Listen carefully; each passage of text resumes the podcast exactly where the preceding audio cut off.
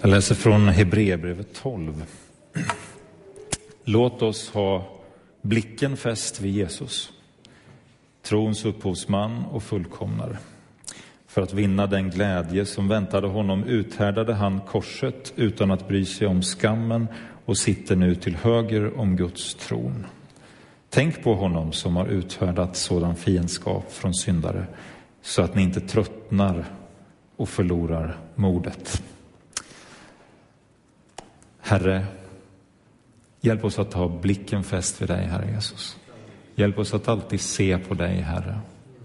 Och, och låta allt annat som finns i livet få stå tillbaka, Herre Jesus. Herre, du vet den som idag känner att, att man är i, i eh, en storm, Herre Jesus, i ett kaos. Tack, Herre Jesus, för att du är där. Jag ber om att den personen ska få känna att att du är nära och ser på dig, Herre Jesus. Och vi, Herre Jesus, som, som eh, liksom lever livet och, och det funkar. Eh, Herre, jag ber om att vi i detta, när det går bra för oss, Herre, inte ska tappa blicken. Utan titta på dig, Herre Jesus. Far i himmelen, vi ber om detta. Att vi får leva våra liv på det sättet att vi tittar på dig hela tiden, Herre Jesus. Tack Jesus för detta. Amen. Vi eh, närmar oss påsken och eh, jag tänkte att jag ska predika utifrån det som är eh, söndagens text. Det är ju palmsöndagen idag och eh, veckan innan påskhögtiden. Så temat för idag då, det blir i väntan på Messias och så lagom med frågetecken. Ja, hur är det egentligen med det där? Alltså, vi väntar ju på Messias, vi väntar ju på att Jesus Kristus ska komma tillbaka. Eh, på den tiden när Jesus var på jorden så, så väntade judarna efter Messias. De längtade efter honom och de väntade på honom. Eh, och eh, vi ska bland annat eh, läsa någon text från Sakarja och Sakarja beskriver det där, den längtan och det, det de hade fram, framför som de såg fram emot. Men den texten, den gäller också idag eftersom vi fortfarande väntar på att Jesus ska komma tillbaka. Så i väntan på Messias, lagom. Det här är texten och jag läser den. Jag hoppas att ni kan, kan vara med och läsa. Om det är svårt att läsa så kanske det blir bättre om vi drar ner där. Jag tror att det blir lite lättare då. Men jag läser i alla fall. Sex dagar före påsken kom Jesus till Betania där Lazarus bodde. Han som Jesus hade uppväckt från de döda. Man ordnade där en måltid för honom. Marta passade upp och Lazarus var en av dem som låg till bords med honom. Maria tog då en hel flaska dyrbar äkta nardusbalsam och smorde Jesu fötter och torkade dem sedan med sitt hår. Och huset fylldes av doften från den här balsamen. Men Judas Iskariot, en av lärjungarna, den som skulle förråda honom, sa varför sålde man inte oljan för 300 denarer och gav det till fattiga? Detta sa han inte för att han brydde sig om de fattiga utan för att han var en tjuv. Han hade hand om kassan och tog av det som, hade, som lades dit. Men Jesus sa, låt henne vara. Hon har sparat sin balsam till min begravningsdag. De fattiga har ni alltid bland er, men mig har ni inte alltid. Alltså påsken det är ju den stund då Gud tar fighten mot synden. Gud tar fighten mot ondskan och mot döden. Och där på korset, på långfredagen, så vinner Jesus, så vinner det goda över det onda. Möjligheten att bli frälst, möjligheten att få sina synder förlåtna, möjligheten att få bli ett Guds barn, möjligheten att få bli renad, att få bli helt fri. Den har med påsken att göra. Det viktigaste budskap som du och jag kan berätta för någon annan människa, det är just detta att Jesus dog på korset för din skull, för min skull. Men också att vi vet att han uppstod, att han har vunnit en seger över allt detta. Det är ju vad påsken handlar om. Samtidigt är då Jesu väg fram emot detta en väg som är kantad utav problem, svårigheter. Jag menar, hela, hela påskberättelsen är ju egentligen ytterst, om man, om man tittar på det från, från utsidan, så är det ju ett slags nederlag, eller hur? Sak efter sak börjar liksom att falla ifrån Jesus. Han har haft de, de stora mängderna av människor som har följt honom, som har lyssnat på honom, som har hurrat för honom och sagt, ja Jesus du är bra. Men eh, sen när det börjar bli motstånd så försvinner de, de, de sticker iväg. Till, till och med de som står honom närmast, de försvinner ifrån honom. Och till sist så är han ensam kvar att ta fighten mot all ondska, mot allt det som trotsar Gud. Och det är ju också så för dig och mig med livet, eller hur? Alltså vi, vi vet vart vi är på väg någonstans. Gud har lovat en himmel. Gud har lovat en ljus framtid. Det finns någonting för oss. Och det är vi trygga i. Det lever vi utifrån. Men samtidigt när vi lever här på jorden så möter vi en mängd saker som är motstånd och som är problem.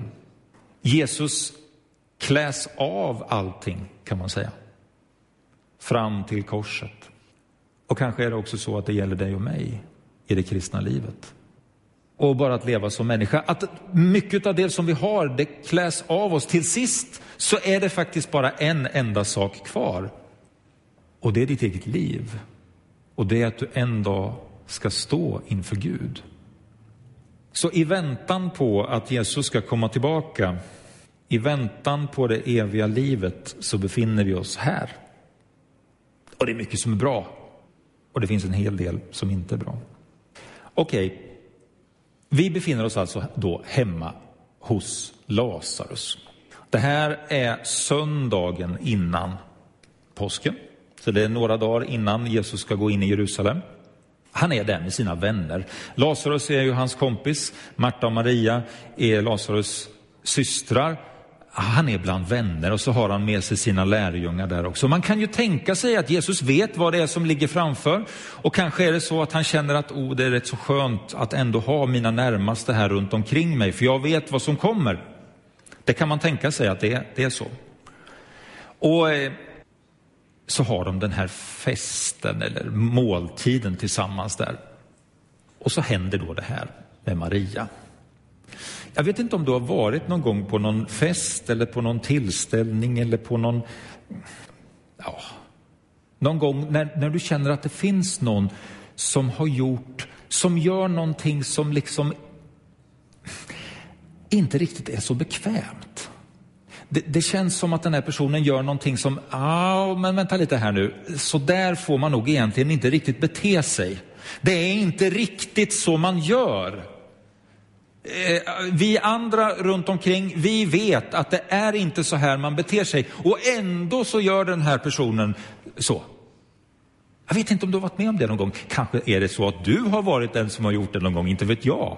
Men det händer ju faktiskt att det är så att man kommer i en sån där situation och så känner man att oj, vänta nu här, vart tar det här vägen? Och man vet inte riktigt vart man ska vända sig och vad man ska göra och vad ska man säga. Och är det inte det som händer här med Maria?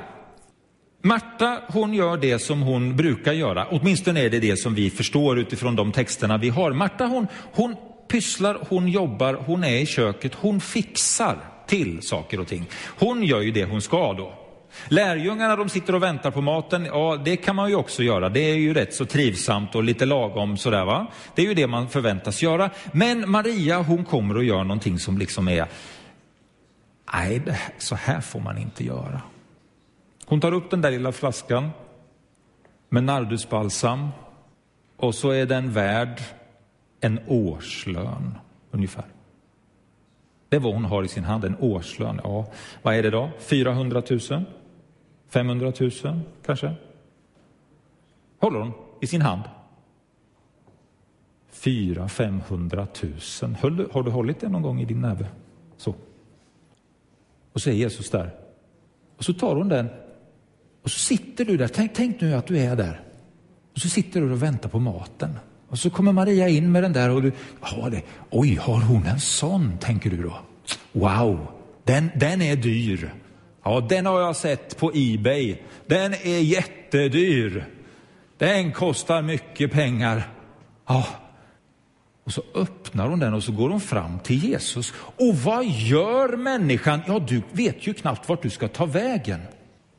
Eller hur? För vad gör människan? Hon tar 400 000 kronor och så häller hon ut det över Jesus. Och du sitter och tänker, så där ska man inte göra.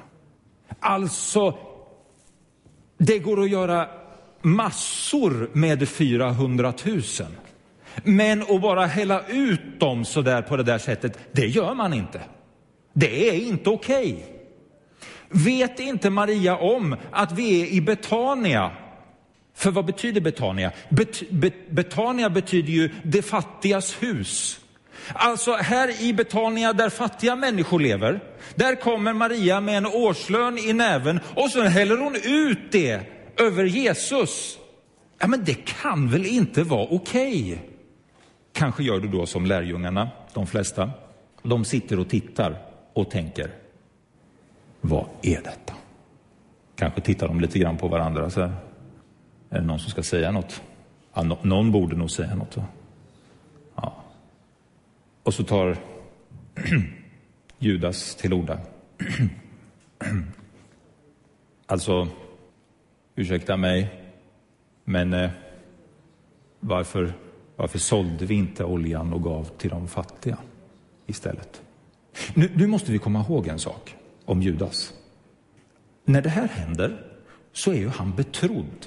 Alltså du tänker ju på Judas som den som förrådde Jesus, det gör jag med. Ja. Eh, men, men, men, när det här händer, då vet inte lärjungarna om det. Han är betrodd, han är den som har kassan. Det är inte så att det är någon som tittar snett på Judas och tycker att Judas är en underlig figur, varför är han med oss? Han är en i gänget, han hör till. Så när Judas säger det, och han är ju betrodd med kassan, så är det mycket troligt att de andra lärjungarna som sitter där tänker, ja, just det. Var, var, varför gav vi inte det här till, till de fattiga egentligen? Johannes han vet ju då efteråt att Judas sa det här på grund av något annat. Men, men när det hände, eh, då tror jag inte att han visste det. Det tror jag inte. Så då är frågan, vem är du utav de här karaktärerna i den här berättelsen? Det kan man ju fundera över. Vem är jag, vem är du? Alltså, är du Marta?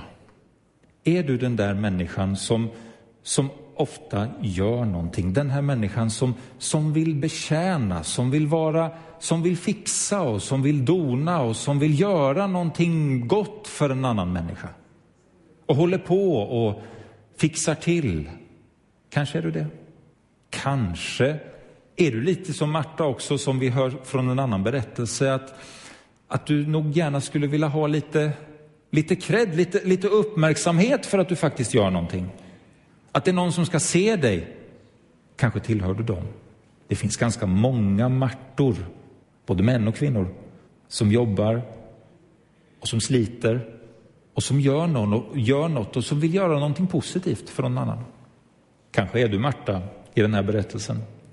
Kanske är du någon av lärjungarna. Kanske är du någon av dem som sitter där vid bordet och betraktar. Inte säger så mycket, men du betraktar och du tycker egentligen att det som händer där, det är inte så bra. Men du behåller dig mer för dig själv och säger inte så mycket. Väntar kanske på att någon annan ska säga någonting. Och du sitter där och tycker att, ja, mm, så här borde det inte vara. I alla fall, om jag fick bestämma så skulle det vara på ett annat vis. Eller kanske är du som Maria, som gör någonting som går utöver det vanliga.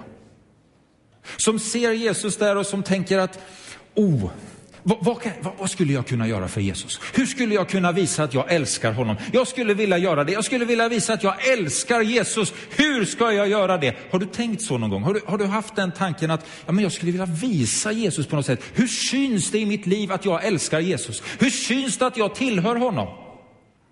Vad kan jag ge? Vad har jag för någonting? Ja, jag har det här. Och så gör du den där handlingen. Du gör någonting som går utöver det vanliga. Du kanske inte själv vet riktigt vad innebörden är utav det där, men du gör det i alla fall. Kanske är du Maria. Kanske är du den där som, som gör en sån där sak, men som också ibland då får höra att, ja men varför gjorde du så där? Det var väl, det var väl inte så lagom. Eh, var inte det lite väl mycket? Tog du inte i lite mycket nu va? Du kunde väl hälla ut bara en liten del utav oljan? Kanske är du Maria. Eller kanske är du Judas. Och, och, och tänk nu bort det här att han förrådde Jesus. Tänk, tänk bort den biten. Men, men, men, den här personen som, som liksom vill att det ska vara rätt. Som tänker att ja, men det, det skulle göras på något annat sätt för att det här skulle bli bättre. Och, ja, det här måste jag säga, jag måste framföra det här. Ja, man kan fundera över det här. Vem är man i den här berättelsen? Det som händer här är ju egentligen att Maria gör någonting som, som går utöver gränsen för vad som är acceptabelt. Och då kommer jag till det här ordet lagom. För visst är det så att vi tycker att lagom är ganska bra. Att följa Jesus, det ska vi göra, men det är väl bra om vi gör det lite lagom. Jag menar, om man ber högt, eh, då vill det ju till att man inte ber för högt och definitivt inte för långt. För då kan det ju vara så att människor tycker att det här börjar bli lite jobbigt. Och det här med att ge gåvor exempelvis, det är många som praktiserar tionde och det är ju bra, men det är ju också ganska lagom, eller hur? Du ger 10 procent och får behålla 90 procent. Ja, men det är väl en ganska bra ekvation i alla fall. Det är ju lite lagom. Och en del kanske inte ger tionde utan tänker att man ger lite, lite lagom. Det här att kunna ge en hel årslön sådär och bara vippa ut över Jesus, det känns, oh, det känns lite mycket. Men hur är det med det här egentligen när vi väntar på att Jesus ska komma tillbaka? Hur följer vi Jesus honom? Hur följer vi då Jesus? Hur ser det ut i våra liv? Följer vi Jesus lite lagom, lite trevlig efterföljelse? Trevlig är ju bra, vi, vi gillar ju trevligt, eller hur? Ja. Vi tycker att det ska vara trevligt och gemytligt, ja men visst. Och det är ju inget fel med trevligt. Men att följa Jesus, det är ju mer än trevligt. Att följa Jesus, det går ju djupare än det. Det tar i lite till, eller hur? När vi väntar på att Jesus ska komma tillbaka. Väntar vi så där lite lagom då? Eller följer vi fullt ut? Maria är ju ett föredöme här på att göra någonting som går utöver det vanliga. Någonting som liksom spränger gränserna för det som är okej. Okay. Tänk om det skulle vara så här att du och jag gjorde någonting som går utöver det som egentligen är okej okay att göra för Jesus. Vad skulle hända då? Tänk om någon då skulle tänka så här att Nej, men det där var väl inte speciellt trevligt. Ja, det där var inte lagom, det var olagom. Det var för mycket. Men är det inte så att Jesus vill att vi ska följa honom fullt ut? Helt och fullt. Jesus ger inga bannor för Maria, mot Maria. Han säger istället, men klaga inte på henne. Hon har förberett för min, för min död. Det är ju faktiskt så att det ligger ett perspektiv till i den här texten, i det som Maria gör. Och vad är det? Jo, det är det att hon, gör, hon utför en profetisk handling. Det har hon inte, ingen aning om, hon har ingen susning om det troligtvis. Men det hon gör är att hon, hon förbereder Jesus inför det att han ska dö. Hon kan inte veta att det är så att Jesus kommer att dö på ett sådant sätt så att han inte kommer kunna balsameras som, som var det som man var tvungen att göra för att kunna, kunna begrava någon. Det, det kan hon inte veta om, men ändå så är det det hon gör en vecka innan. Hon utför i den här handlingen en profetisk handling för att Jesus ska dö. Och det vet han om. Hon vet inte om det. Lärjungarna vet inte om det. De har inte fattat det. Men hon utför någonting som är profetiskt. Tänk om det är så här att Jesus önskar utav oss att vi skulle försöka göra någonting som är lite olagom. Någonting som, som kostar någonting. Tänk om det är så. Vi ska gå vidare. Jag ska läsa, eh, fortsätter från vers 12 här då. Nästa dag, när de många som hade kommit till högtiden fick höra att Jesus var på väg till Jerusalem, tog de palmkvistar och gick ut för att möta honom och de ropade Hosianna. Välsignad är han som kommer i Herrens namn, han som är Israels konung. Jesus fick tag i en åsna och satte sig på den. Som det står skrivet, frukta inte dotter Sion, se din konung kommer sittande på en ung åsna. Ja, det här är då inträdet. Jesus rider in i Jerusalem. Det är det som vi kallar för, därför vi kallar det för palmsöndagen. De slänger ut sina palmkvistar där och hurrar för, för Jesus. Eh, och, och, det här, eh, precis som jag sa, det är ju någonting som är, är grundat i en, en profetia från Gamla Testamentet. Det finns flera stycken profetier i Gamla Testamentet som, som talar om det här, att Jesus ska komma och göra det här intåget. En utav dem kommer från Sakarja 12, där vi läser så här. Gläd dig och jubla dotter Sion. Det var ju det de gjorde, de, de jublade när Jesus kom. Eh, gläd dig och jubla dotter Sion, se jag kommer och tar min boning hos dig. Ja, Jesus kom in i Jerusalem, eh, säger Herren. Många folk ska den dagen sluta sig till Herren och bli mitt folk. Ja, genom Jesus, genom det han gör, så är det alltså möjligt för alla folk att komma till Jesus, tro på honom och, och bli frälsta. Jag tar min boning hos dig. Då ska du inse att Herren Sebaot har sänt mig till dig. Herren ska ta Juda i besittning som sin del av den heliga marken. Än en gång utväljer han Jerusalem. Var stilla inför Herren, allt levande. Han bryter upp från sin heliga boning. Mm. Eh, berättelsen om hur, hur Messias kommer till Jerusalem. Men det här är ju inte bara berättelsen om hur Jesus, Messias, kom till Jerusalem en gång för 2000 år sedan, utan också berättelsen om att det kommer att hända igen. Att det är någonting som ligger framför. Än en gång så väljer Gud ut Jerusalem. Än en gång så blir Jerusalem den platsen dit allas blickar kommer att gå. Och vi ser oss om och funderar på detta med Israel och vad som händer omkring Jerusalem och förstår att ja, problemen är, är, är stora, eller hur? Och det finns jättemycket kritik gentemot Israel och gentemot Jerusalem och, och, och detta. Och, och, det här är ju ingenting annat egentligen än, än eh, synliga tecken på en andlig verklighet. Så är det ju. Därför att Jerusalem finns fortfarande med i Guds plan. Det kommer att hända någonting med Jerusalem längre fram. Jesus kommer att komma tillbaka till den här platsen. Här kommer det återigen att utspela sig hela världens frälsning. Så det är inte konstigt att när vi hör saker omkring Israel och Jerusalem och vad som händer där så är det inget märkligt egentligen. Utan det är en del i ett, i ett skede. Eh, i det som Gud planerar och det som Gud gör. Så vi väntar på Jesus. Och framåt mot detta, när Jesus ska komma tillbaka, så ställer han ju den här frågan till oss. Vill du följa mig? Vill du tro på mig? Vill du gå med mig? Och så får vi säga, ja Jesus, det vill jag. Vi ska, jag ska snart avrunda detta.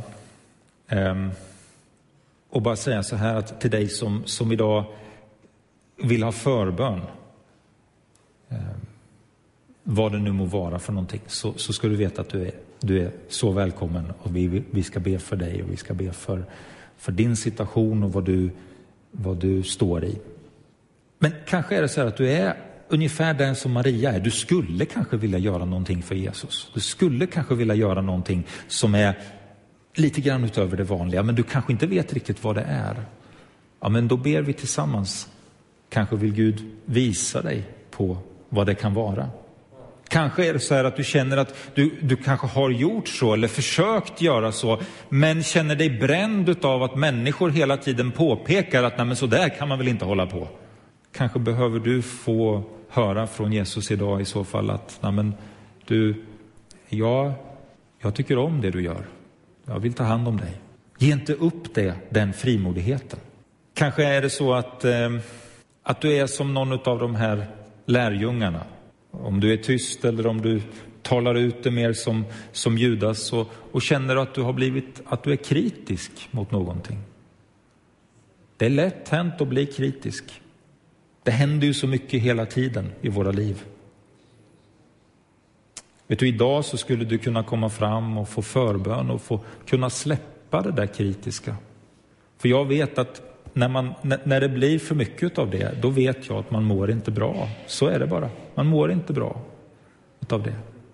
Och det bästa som kan hända då, det är att man faktiskt bara får lägga det till Gud och säga, ja Gud, du vet vad jag tycker, du vet vad jag känner. Herre, hjälp mig, hjälp mina känslor, hjälp den här kritiken, hjälp mig så att jag får vara fri. För du vet att Jesus vill att du ska vara fri och tjäna honom. Det är ju ingenting annat.